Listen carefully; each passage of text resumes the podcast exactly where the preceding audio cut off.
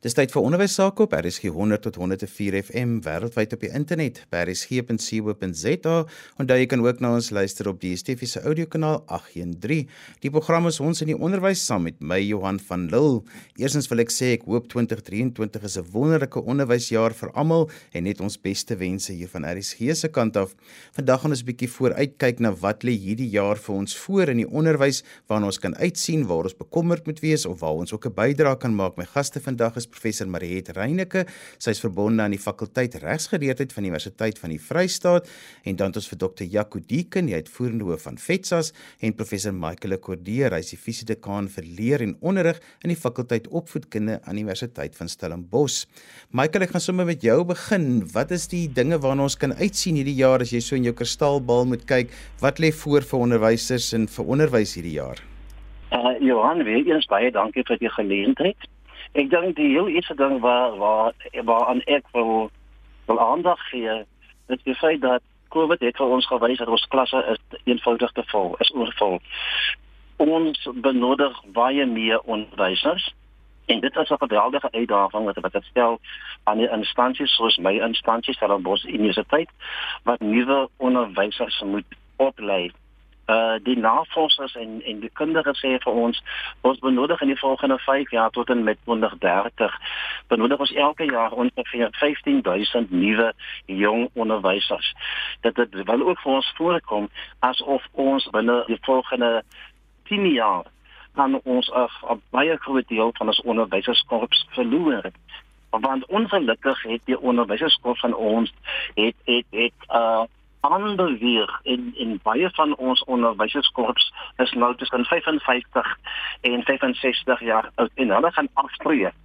En dit gaan 'n geweldige leemte laat. En ek is bekommerd Johan dat ons nie genoegsame onderwysers uh, jaarliks aflewer om aan daardie behoeftes te voorsien nie. So hier's 'n geweldige uitdaging vir onderwysinstellings dat ons sal ons sal feitelik die aflewering van nuwe onderwysers moet verdubbel as ons werklik waar in daai behoefte wil voorsien. En ek sê heeltemal oortuig dat die infrastruktuur al in plek gestel gesit is om dit te doen. Nie.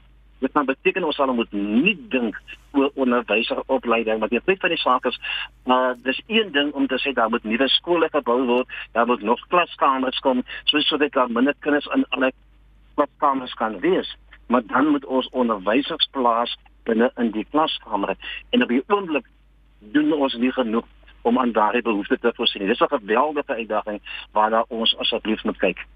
Professor Mariet Reyneke, wil jy aansluit by Michael Cordier en ook wat wil sien jy in jou kristalbal vir die jaar wat voorlê?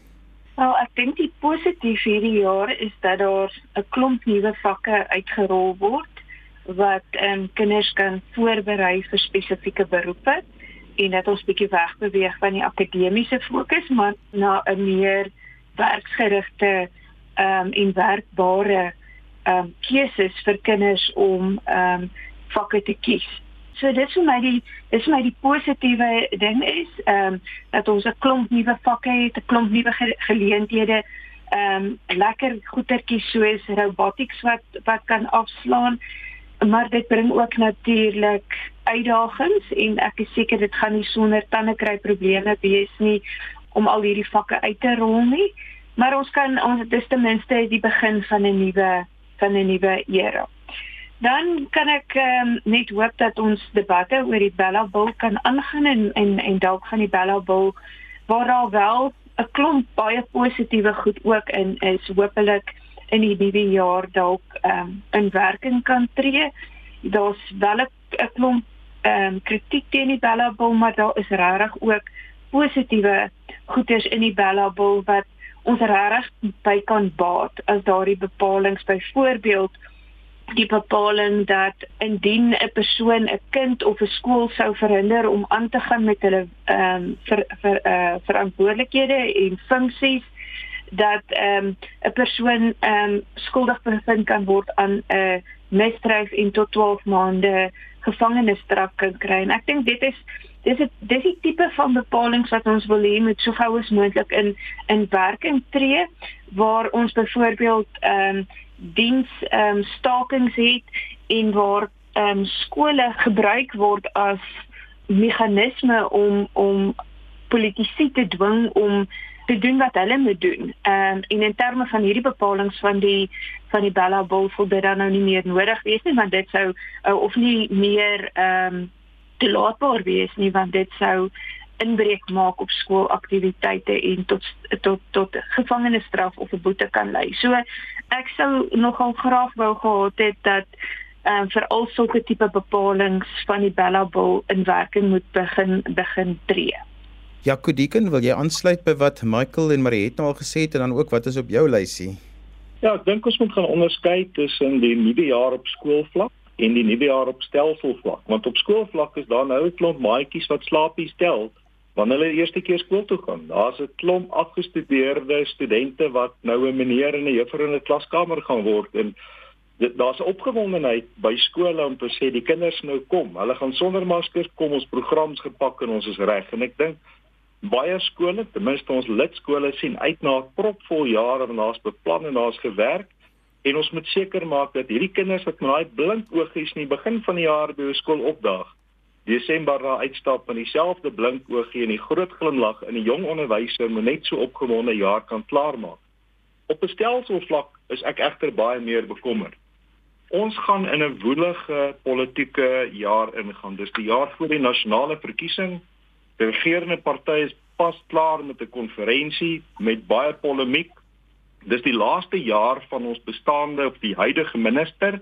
Sy het gesê sy gaan nie weer 'n termyn beskikbaar wees nie. Ek aanvaar sy gaan aftree. Sy was terloops ons langste dienende minister van onderwys ooit in die geskiedenis van Suid-Afrika. En is ook die laaste jaar van die termyn van 'n beheerliggaam. Ons het 'n klomp projekte wat afgehandel moet word. Maar die bekommernis op stelselvlak is dat daar nie noodwendig 'n klomp nuwe idees ingekom het en fondse beskikbaar is om uitvoering te gee aan baie van hierdie van hierdie idees nie. En 'n jaar voor 'n nasionale verkiesing weet ons verpolitiseer mense baie maklik goed wat in skole gebeur. Weet 'n gewone rondstamp van seuns vol testosteroon word skielik 'n rasse insident by 'n skool. 'n Fotootjie in 'n graad R klas word skielik 'n rasse fotootjie. So die bril is anders.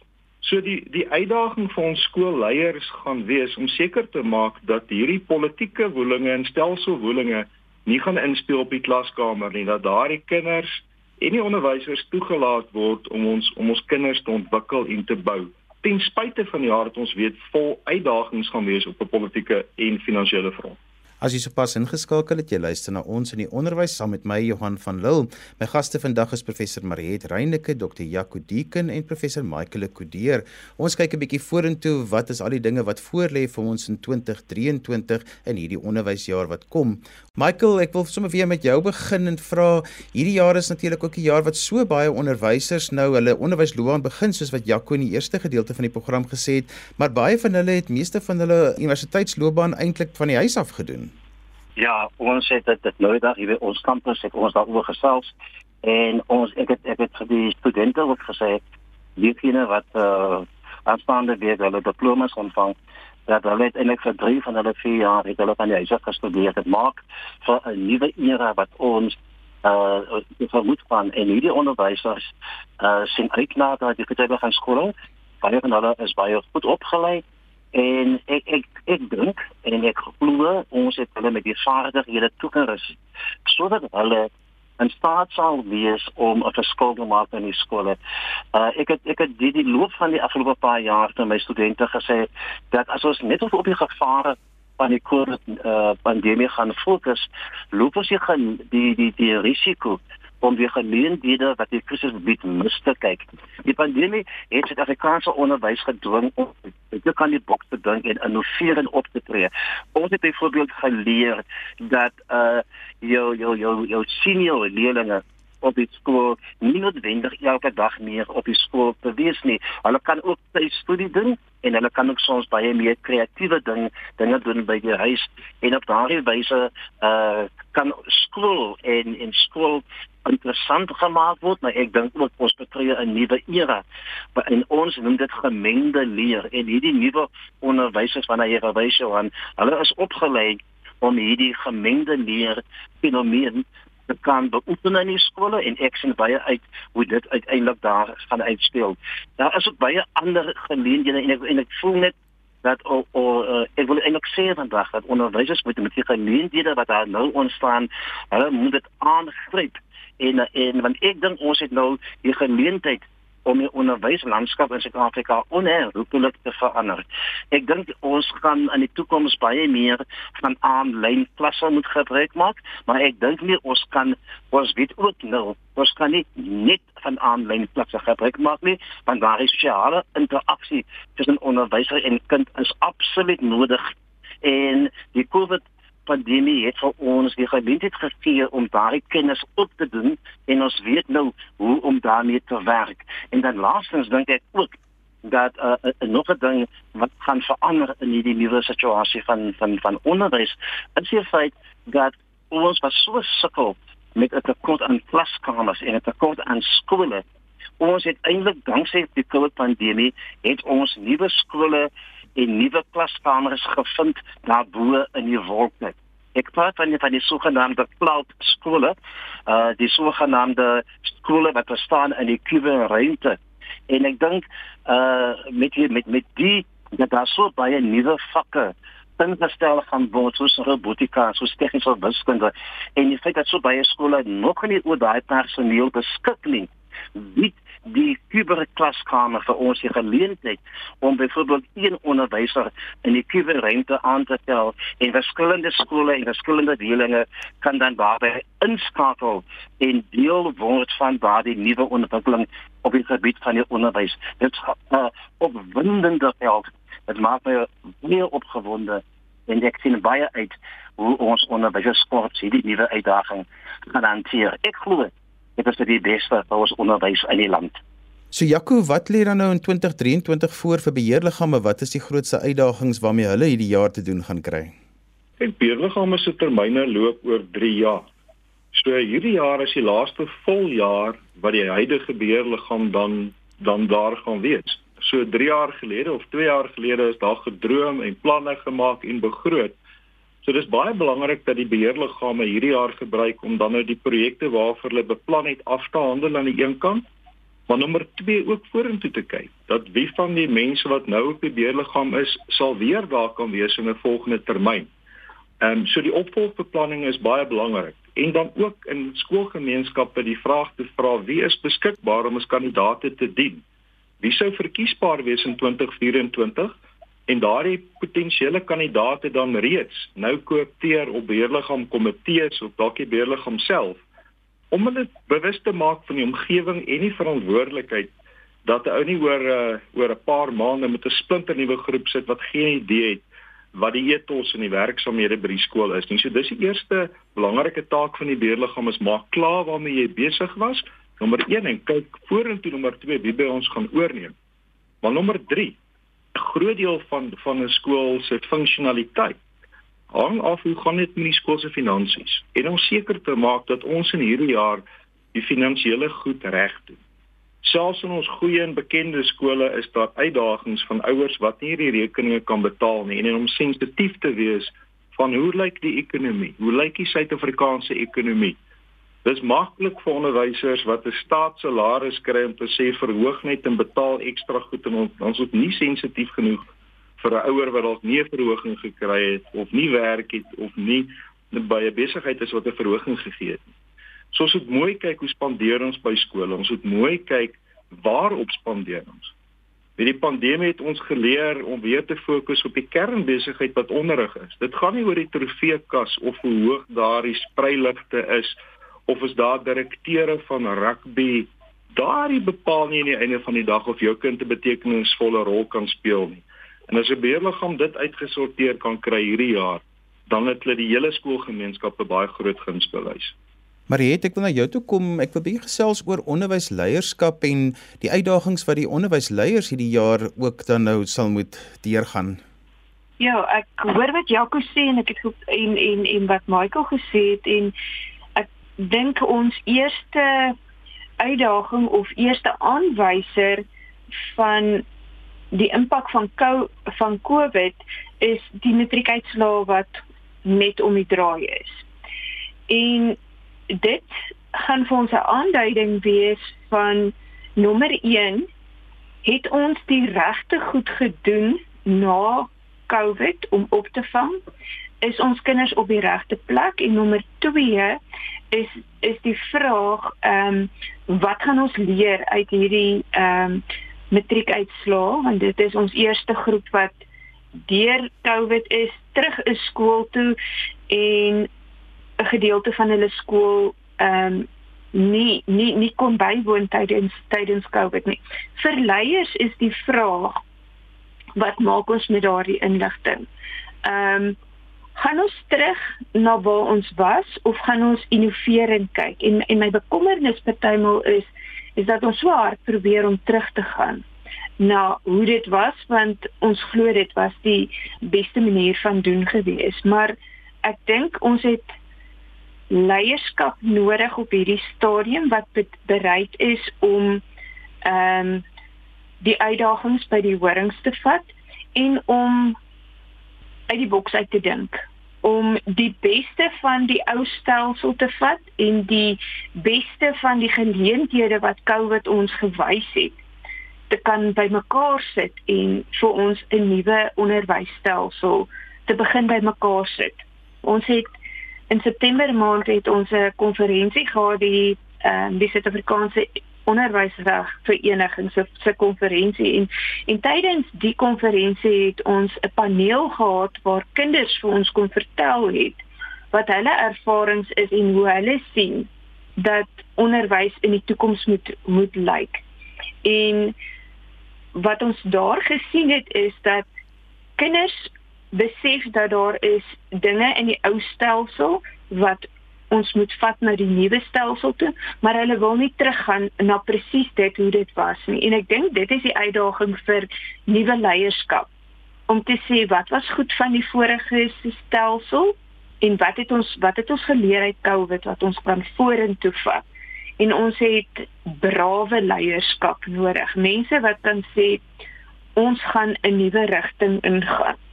En en en en, Michael het byvoorbeeld verwys na na die wolkskole en en al die wonderlike geleenthede wat dit gee en dit doen inderdaad, maar dit skep ook nuwe uitdagings.